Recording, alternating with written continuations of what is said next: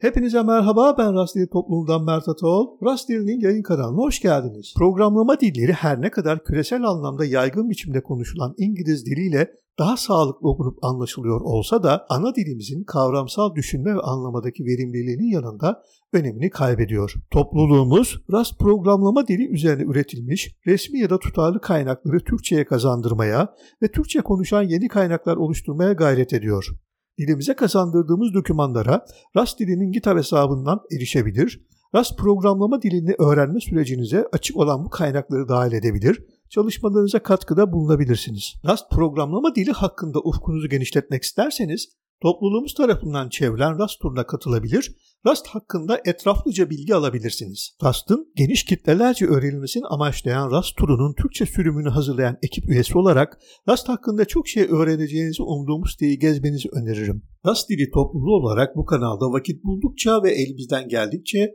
Rust programlama dili hakkında edindiğimiz deneyimleri sizlerle paylaşmaya gayret edeceğiz. Süreç boyunca kodlama esnasında tercih ettiğimiz editörlerden yararlanacağız. Ancak siz takip sürecinizi sadeleştirip öğrenmeye odaklanmak isteyebilir ve kodlarınızı Rust oyun alanı gibi çevrim içi ancak oldukça pratik bir alanda yazıp derleyerek bize eşlik edebilirsiniz. Bu alana internet bağlantınız olan her yerden ve her cihazdan hiçbir derleme, yükleme ve ayarlama yapmadan çevrim içi ulaşabilirsiniz. İster akıllı cihazlarınız olan telefonlar veya iPad'lerinizden, ister dizüstü veya masaüstü cihazlarınızdan oyun alanına çabucak erişebilir, aklınızda olanı kodlamaya hemen başlayabilirsiniz. Rust'ı merak edip kanalımıza ulaştığınıza göre Rust hakkında olumlu bir şeyler duymuş olmalısınız. Ama ben yine de size Rust'ı tercih etmekle yakın gelecekte neler kazanabileceğinizi özetlemek istiyorum. Rust programlama dili statik ve güçlü biçimde yazılmış yani türleri derleme zamanında bilinen güvenlik, hız ve eş zamanlılık hedeflerine odaklanan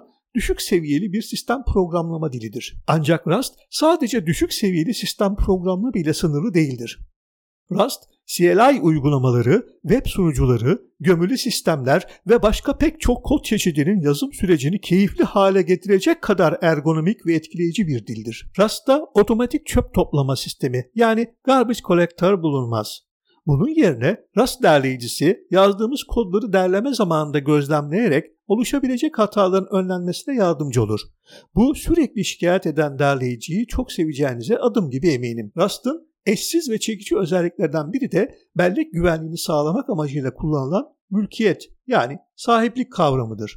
Değişkenlerin yaşam sürelerinin denetlenmesine dayanan bu sistem bünyesinde barındırdığı boş denetçisi yardımıyla işini görür. Yerleşik paket yöneticisi ve yapılandırma sistemi olan Kargo projelerinizi oluşturmanıza, test edip derlemenize eşlik ederken kodlarınızın belgelenmesine de yardımcı olur. Projelerinizde kullanacağınız pek çok kütüphane ya da paketlerin dizin halinde tutulduğu Crates.io adlı siteden ihtiyacınız olan sandığı projenize bağımlılık olarak kolaylıkla ekleyebilir. Yine bu site aracılığıyla kendi projelerinizi başkalarının kullanımına kolaylıkla açabilirsiniz. Peki Rust programlama dili kimler içindir? Başka bir ifadeyle bu programlama dilini kimler öğrenmelidir?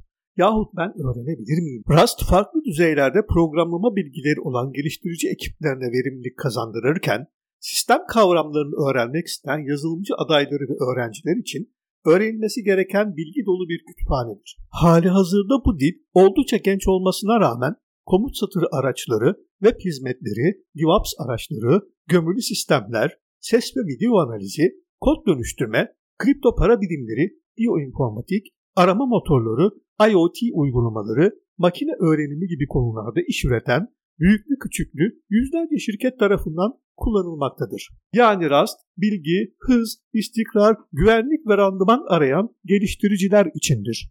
Elbette ki sen de öğrenebilirsin.